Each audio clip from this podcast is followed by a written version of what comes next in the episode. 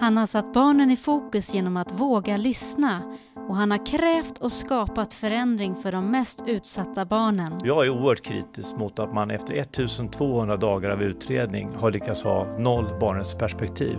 Det finns till och med berättelser att barn upplevt det så skrämmande att man tror att man ska bli fängslad efter samtalet. Det är ovärdigt vår kontinent att inte ha ett bättre svar. Efter drygt åtta år som barnombudsman så slutar Fredrik Malmberg. Nu berättar han om de starkaste intrycken och om utmaningarna som väntar hans efterträdare.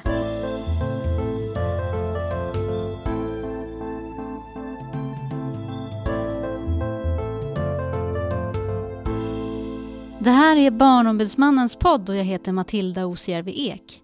Nyhetsklippen vi har hört kommer från Ekot i Sveriges Radio under de år som Fredrik Malmberg varit barnombudsman. Välkommen Fredrik! Tack! Vad tänker du när du hör de här klippen? Jag tänker att det har varit så många olika situationer där barns rättigheter har varit utmanade. Man känner igen när man hör klippen och tänker man tillbaka att det var så många olika saker, många olika berättelser som barn och unga har berättat för, för oss här. Ja, det är ju många frågor som rör Barnombudsmannen som är högaktuella just nu. Tidigare år släpptes en rapport om barn på flykt och du har slagit larm om att ensamkommande flyktingbarn mår så dåligt att de överväger att ta sitt liv. Och inte minst barnkonventionen, som är ryggraden för myndighetens arbete, ska bli lag i Sverige. Varför slutar du nu? Jobbet för barns rättigheter tar ju aldrig slut, men man kan ju inte vara barnombudsman för evigt. Jag har ju varit det i åtta och ett halvt år. Det har varit en helt fantastisk tid. Eh, många tuffa frågor har kommit upp, men det har känts meningsfullt och jag tycker också att det har gått att åstadkomma förändring. Men eh, jag behöver gå vidare och göra något annat. Jag har fått ett nytt spännande jobb eh, som handlar om att jobba som GD för Specialpedagogiska skolmyndigheten som jag ser fram emot och jag känner mig helt trygg i att Barnombudsmannen jobbar vidare på ett bra sätt. Det är fantastiskt bra personal och det kommer en bra e-, ersättare också. Ja, idag ska vi summera din tid som barnombudsman och blicka lite grann framåt. Men jag skulle vilja gå tillbaka till 2008 då du eh, utsågs till barnombudsman och jag undrar vad var det som fick dig att tacka ja till det uppdraget? Men jag tyckte att den här myndigheten spelar en stor roll, att det är en väldigt viktig myndighet. Att barn behöver ha en företrädare som kan kraftfullt slåss för barns rättigheter. Eh, jag tyckte också att det fanns anledning att göra ännu mer för just barn i svåra situationer. Eh, och det var ju något jag jobbade med internationellt, så jag var väldigt lockad av jobbet. Och så fick jag ju det, jag hade ju tur att få jobbet. Vad var det du ville åstadkomma då? Ja, det jag ville göra det var ju framförallt att eh, vi skulle bli bättre på att prata med barn direkt, prata med barn som är på institutioner, barn som är omhändertagna, eh, barn som har varit med om tuffa saker för att höra med dem om hur stödet till dem kan förbättras. Vilka tankar barn och unga själva har kände jag var viktigt och där tänkte jag att Barnombudsmannen kunde spela roll och också göra ett bättre jobb. Eh, så det har jag haft som fokus och jag tycker också att vi har lyckats ganska bra. Eh, då, 2008, vad fanns det för brister när det gäller barn i Sverige då? Men då var det aktuellt att titta tillbaka på vanvård. Vanvårdsutredningen pratar man om att titta på hur det såg ut förr i tiden för barn som var omhändertagna. Och den fråga jag ställde mig var ju väldigt mycket, ja men hur ser det ut idag? Vem pratar med barn och unga idag som är på institutioner, vad de tycker och tänker? Eh, så det var ju en sån här sak som jag tänkte var väldigt viktigt att bli, vi skulle göra. Det fanns också lite av en självgodhet i Sverige. Men Sverige är ett väldigt bra land att växa upp i för de allra flesta barn. Men det blev också ett slags likhetstecken med att så är det för alla barn och det finns inga utmaningar kvar. Vi blev lite för självgoda tycker jag faktiskt ibland när man hörde företrädare internationellt prata om barns situation i Sverige och barnkonventionen. Eh, och det ville jag att vi skulle visa på att det finns faktiskt absolut saker kvar att jobba med även i Sverige. Vad var det då som det behö behövdes jobba på?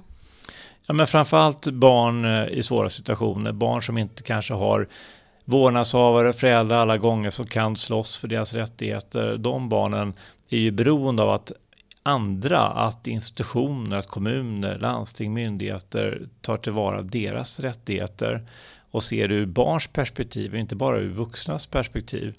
Och här tycker jag att vi med våra rapporter också har visat att det finns en hel del som man kan göra bättre. Och det har ju också blivit förändringar under de här åren mm. till det bättre.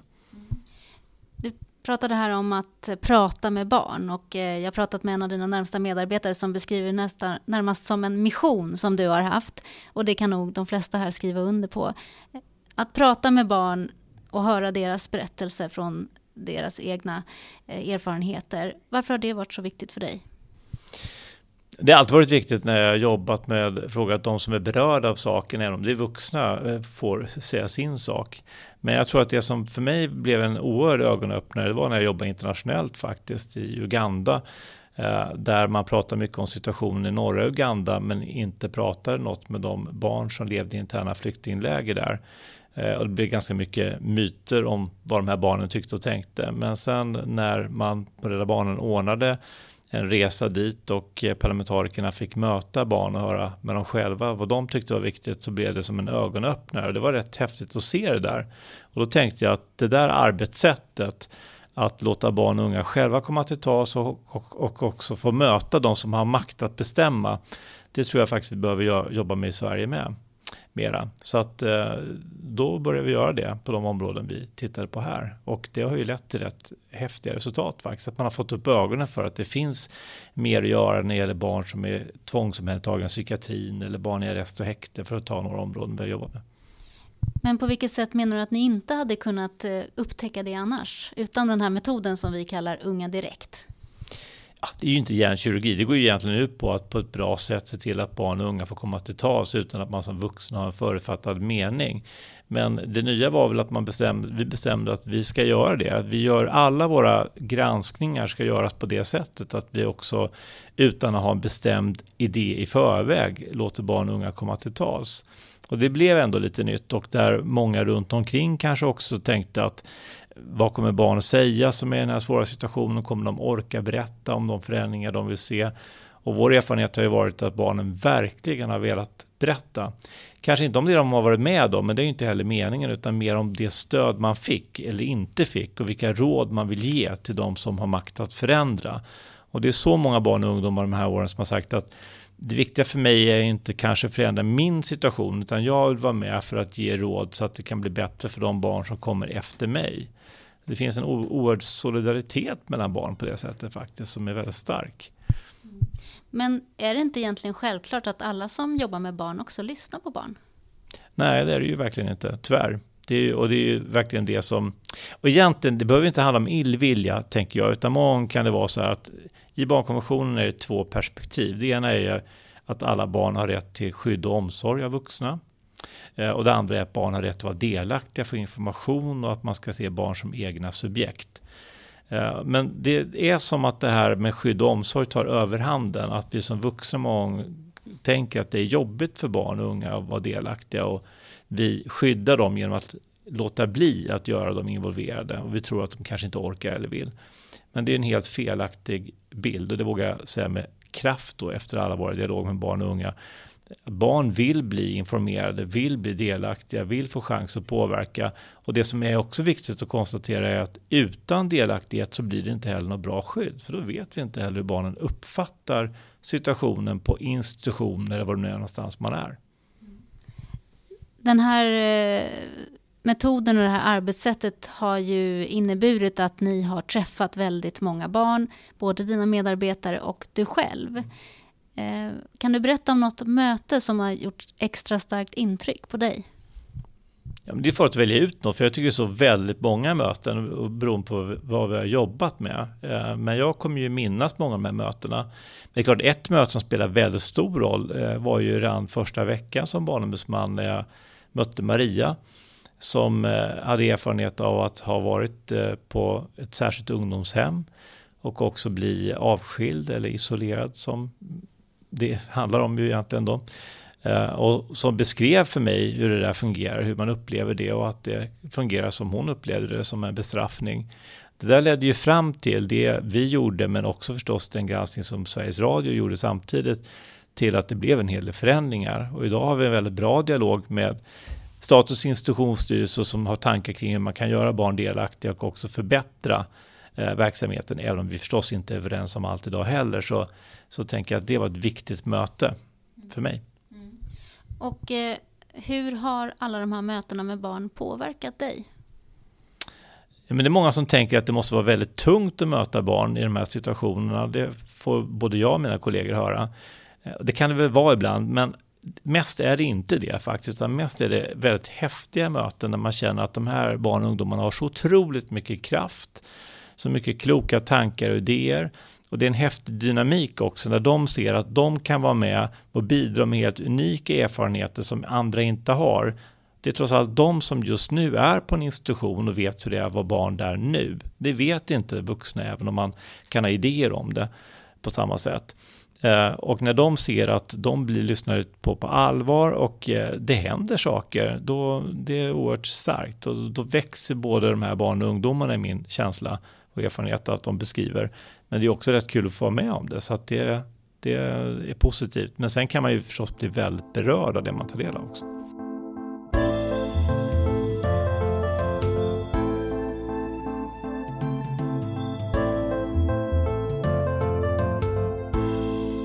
Det här är Barnombudsmannens podd med Fredrik Malmberg som nu slutar som barnombudsman.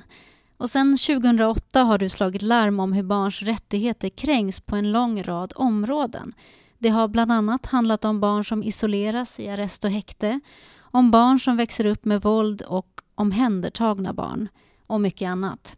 Och du har också kritiserat andra situationer där utsatta barn inte har fått stöd. Och så här har det bland annat låtit i Ekot. Vi tycker att man behöver lägga tillbaka i skollagstiftningen ett tydligt förbud mot våldsanvändning. Det är en skrämmande bild. Det handlar ju om mellan 5 och 10 procent av de ensamkommande barnen som försvinner varje år. Det vi tycker är allvarligt är ju att man har fått vänta så länge på att ens komma på ett första samtal. Det här leder ju till psykisk ohälsa, stor oro, ryktesspridning bland barn och unga. Det är bland det värsta jag sett när det gäller att inte ha ett barnrättsperspektiv. Vad är det du har blivit mest upprörd över under de här åren? Ja, det är en väldigt bra fråga, men jag kan bli väldigt upprörd när jag tycker att det är vuxna med makt som eh, har en oförmåga att vilja ta in och leva sig in i hur det är att vara barn i en svår situation eh, och slår ifrån sig det ansvar man har. Så har ju inte alla med makt gjort, men det har ju förekommit att det har varit på det sättet och då blir man ju upprörd och då gäller det förstås att tänka smart. Hur går vi runt det? Hur når vi fram då? Men det kan ju göra mig upprörd. Och hur har ni gjort då?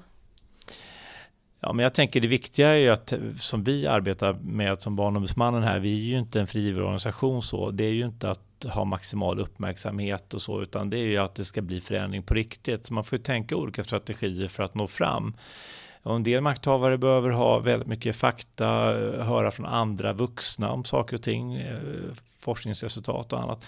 Andra blir mer berörda av personliga möten och tar del av hur barn och unga upplever det. Det gäller ju att hitta en strategi för att nå fram med den information och den kunskap som vi får i de här dialogerna. Eh, och sen vara väldigt envis, att inte släppa taget, att inse att förändring kan ta väldigt lång tid. Men om man ser tillbaka nu då, vilka positiva förändringar tycker du att ert arbete har lett till för barn? I någon mening så tänker jag att man blir ju aldrig nöjd som barnombudsman heller. Det finns alltid saker att förbättra. Men jag tycker att det är en väldigt stor skillnad ändå hur man pratar om barns delaktighet och eh, hur man ser på frågan om barn i svåra situationer och deras rätt att få information om sina rättigheter och kunna vända sig någonstans eh, om rättigheterna kränks. Där myndigheter som eh, inspektionen Inspektion för vård och omsorg och Migrationsverket och annat har barnmaterial, barntelefoner nåbara för barn och unga på ett annat sätt än tidigare. Det betyder inte att jag tycker att det är perfekt, men det är liksom verkligen förändringar som har skett. Och förstås hela diskussionen om att stärka barns rättigheter och göra barnkonventionen till lag. Mm. Och de som ni har träffat då, barn i utsatta situationer, hur har de märkt några förändringar? Ja, men de har ju märkt det på det sättet. Kanske inte att de personligen har hunnit märka det under sin tid om man har varit på institutionerna. Och det är också väldigt tydligt med förutsättningarna att sådana här förändringar tar tid. Eh, men då har vi kunnat återkoppla exempelvis att man har tagit fram informationsmaterial exempelvis till barn i psykiatrin när man är tvångsomhändertagen som inte fanns innan. Att man har gjort att de är tillgängliga nu i IVO då för att man ska kunna vända sig dit om man tycker att man blir dåligt behandlad. Eh, att inspektionen ska tala med barn när de är ute på besök som de inte gjorde tidigare. Det var ju sådana förändringar som kom efter att regeringen hade lyssnat på vad barn och unga i psykiatrin själva hade att berätta, för att ta några exempel. Du pratar mycket om delaktighet här, är det det som är nyckeln som du ser det? Ja, men jag tycker att det är en väldigt viktig nyckel för att utan att vara delaktig eh, så kommer dels kanske man inte själv förstår vilka rättigheter man har som eh, barn och ung i en svår situation. Den andra kan ju inte heller makthavare förstå hur det verkligen är. Det är ju en sak att ha jättefina lagar på pappret och fina regler på pappret, men om det i verkligheten inte fungerar så eller upplevs så, då spelar ju det mindre roll. Vad är du mindre nöjd med då, under din tid som barnombudsman? Ja, det är ju en jättebra fråga. Eh, nej, men som jag sa, i någon mening blir man ju aldrig fullt nöjd. Vi har ju fått välja vilka frågor vi ska titta på. Vi är ju en liten myndighet, så kan ju inte titta på alla frågor samtidigt. Eh, jag tycker att det är väldigt tufft att möta barn i asylprocessen som vi gjort det senaste året. Eh, där ju Sverige inte heller är ensamt, men det är ju där förändringen ju går långsamt och inte särskilt mycket åt rätt håll i ett europeiskt perspektiv.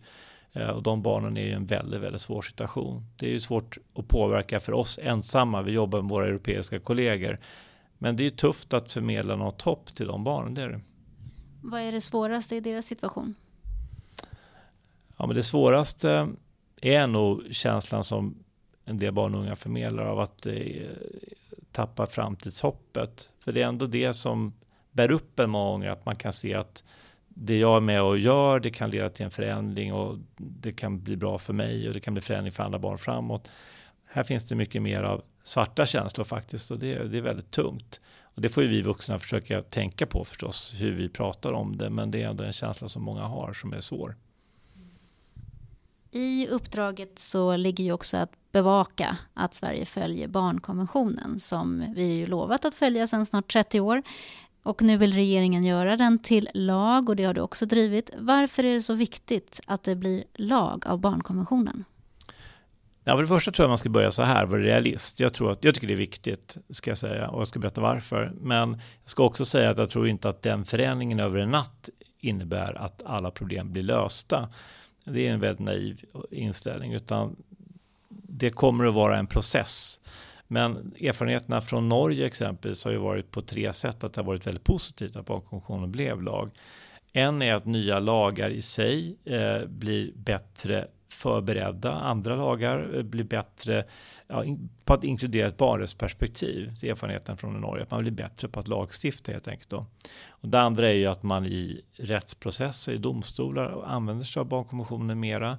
Och den tredje effekten som varit jätteviktig i Norge det är att professionella som jobbar med barn och också barn själva har blivit bättre på att få kunskap om barns rättigheter. Så de tre delarna, bättre lagar i domstolar, använda barnkonventionen och en effekt eh, bland professionella som jobbar med barn. Den tror jag vi kommer få se i Sverige med. Men det är en process, det kommer inte ske över en natt. Men det tycker jag är ett bra argument för att göra det till lag. Vad kan man säga att det kommer göra för skillnad i praktiken då? Men jag tror att en väldigt viktig skillnad blir att det blir mycket tydligare vad ett barnrättsperspektiv är. Att man kan inte så löst som man ibland har gjort i svensk lagstiftning citera några paragrafer, i barn, några artiklar i barnkonventionen och komma undan med att man då har ett barnrättsperspektiv. Utan man måste göra prövningen mycket mer i, i detalj. Som i Norge när man såg över straffeloven, eh, strafflagen när barnkonventionen blev lag. Ja, men då kunde man se att men vi kan inte med barnkonventionen som lag fortsätta att isolera barn som är frihetsberövade. För det står i strid med artikel 37 i barnkonventionen. Då får vi ändra i straffloven och införa ett förbud mot isolering av barn. På det sättet måste man bli mer noggrann även i svensk lagstiftning förstås på olika områden när barnkonventionen blir lag. Eh, för att inte få motsägelser i det hela. Då. Och det, det blir ett förstärkt barnrättsperspektiv. Mm. Och det skulle ju då i så fall, om det blev det konkreta exemplet, kunna hjälpa dem som ni har träffat, eller i alla fall de som kommer efter dem, som isoleras idag i häkte? Och är det, absolut, det, det, kan ju definitivt innebära en skillnad på. Jag tror att på det här väldigt konkreta sättet så kommer det successivt genom rättsliga prövningar och annat bli ett förstärkt barnrättsperspektiv. Och det är egentligen den hävstången med barnkonventionen som lag som jag tycker är allra viktigast, att den kan påverka även övrig lagstiftning att bli mycket skarpare ur ett barnrättsperspektiv. Så det är det jag hoppas på, men det kommer ju ta tid innan det slår igenom. Om det är något barn som lyssnar nu, hur förklarar du för, för dem vad det kommer göra för skillnad? Ja, det, det enklaste är att säga att det blir viktigare en lag är ändå tyngre. Eh, så att på det sättet blir tyngre med barns rättigheter och viktigare och att man kommer bli noggrannare på att berätta om det i skolan. För det ser vi redan, det har regeringen ju faktiskt gett oss i uppdrag också att förbereda så att man kan ha lektioner mycket mer om vad barnkonventionen betyder. På en del skolor har det varit att man pratar om barnkonvention, då pratar man om barn i andra länder, i fattiga länder, vad det innebär för dem och barnkonventionen på FN-dagen och sådär. Eh, och det kan man gärna prata om fortfarande, men nu blir det mycket mer också att det faktiskt betyder något för barn i vårt eget land och det ska det också göra. Många beslut som eh, rör barn fattas ju på lokal nivå i kommuner och landsting. Vad kommer en ny lag att innebära för dem? Ja, men som vi såg i Norge, där blev ju effekten väldigt stor på det sättet att just professionella som jobbar med barn, det kan vara lärare, kan vara socialarbetare exempelvis, de som jobbar väldigt nära barnen, eh, de är många gånger jättebra på att möta barn förstås, det är det som är jobbet, men de blev också vassare på att tänka in vad innebär barnkonventionen för mig i mitt arbete. Eh, att det kom in i deras utbildningar och mycket mer handfast och det tror jag kommer att hända här med. Vi ser redan nu ett mycket större intresse för barns rättigheter, bara den här debatten om att barnkonventionen blir lag. Men sen förstås också att det faktiskt går att pröva rättsligt. Om det är så att man upplever att barns rättigheter åsidosätts, då kommer ju det kunna prövas och det kommer växa fram det man brukar prata om rättspraxis, alltså så här ska man tänka i den här typen av situationer. Man kan faktiskt kan titta på i praktiken vad det ska betyda med ett barnets perspektiv. För att lagen ska bli eh, verklighet så krävs ju också ett stöd i riksdagen. Och om det skulle utebli och det inte blir någon ny lag eh, om barnkonventionen, vad skulle det innebära? Ja, det skulle vara väldigt förvånande faktiskt för att det finns, eh, det finns ju stort stöd för att barnkonventionen ska bli lag. Men skulle det inte hända så vore det naturligtvis en väldigt stort bakslag. Eh, och det är inte samma sak som att säga att man fortsätter som det innan, utan det skulle ju få en väldigt negativ effekt tror jag. Det skulle liksom upplevas som att en markering, så att de här rättigheterna som Sverige i och för sig har ratificerat i den här konventionen eh, inte skulle ses som viktiga. Och det är klart att det intresse vi nu ser från statliga myndigheter, kommuner och landsting eh, som är väldigt engagerade, jag upplever också väldigt positiva till den här förändringen, att få ett starkare barnrättsperspektiv, det skulle bli motsatt effekt, så det skulle naturligtvis vara väldigt negativt. Det blir ju du inte du som får ro det här i land med barnkonventionen utan en efterträdare. Eh, och den ska utses nu och under tiden så kommer lagman Anita Wikström att leda myndigheten, blev det klart, i förra veckan. Eh, men i Sverige idag behövs det en barnombudsman fortfarande. Ja, men det gör det ju definitivt. Eh, det tycker jag vårt arbete med åren har visat med sån oerhört stor tydlighet att eh, barns och ungas röster, att se de här situationerna ur ett barnrättsperspektiv som barn och unga befinner sig inte minst barn och unga i svåra situationer, så är det oerhört viktigt att det finns en myndighet som bevakar och driver på barnkonventionen och det perspektivet. Och det, man kan faktiskt också säga att det här är inte bara någonting som vi tycker är viktigt i Sverige, eh, för det finns ett starkt stöd för att ha den här typen av myndighet i Sverige och Norge och nordiska länder, utan vi har också sett att det här har ju blivit lite av en svensk och nordisk exportsuccé. Nu finns det barnombud i 34 länder i Europa och eh, 40 institutioner. För några länder har man flera barnombud i och med att det är olika språk och sådär. Så att eh, det är inte bara vi som tycker det. Men jag tänker att det är viktigt att slå vakt vid om att barn och unga kan ha en egen tydlig röst. Framförallt för barn och unga i svåra situationer. Mm. Och för din efterträdare, eh, vad är det viktigaste eller mest angelägna att ta tag i? Jag tänker att det förstås handlar om att nu se till att barnkonventionen blir lag, att det här fullföljs. Så då tänker jag att Anita som ju vickar på uppdraget har ju en fantastiskt bra bakgrund som lagman för att jobba med de juridiska delarna i det. Eh, men sen tänker jag att det på sikt handlar om också att eh, barn och unga får klagomöjligheter när deras rättigheter kränks. Inte bara till Barnombudsmannen, eh, men det tänker jag kan vara viktigt också. Vi kan ju idag inte ta upp enskilda fall på det sättet. Det kan man fundera över. Men också att andra myndigheter blir bättre på att ta emot klagomål från barn och unga. Och sen det som Sverige inte har gjort, men som exempelvis Danmark har gjort. Det handlar om att ratificera tilläggsprotokoll till barnkonventionen som ger barn och unga rätt att få sin sak prövad hos FNs barnrättskommitté om man inte kan få det prövat i Sverige.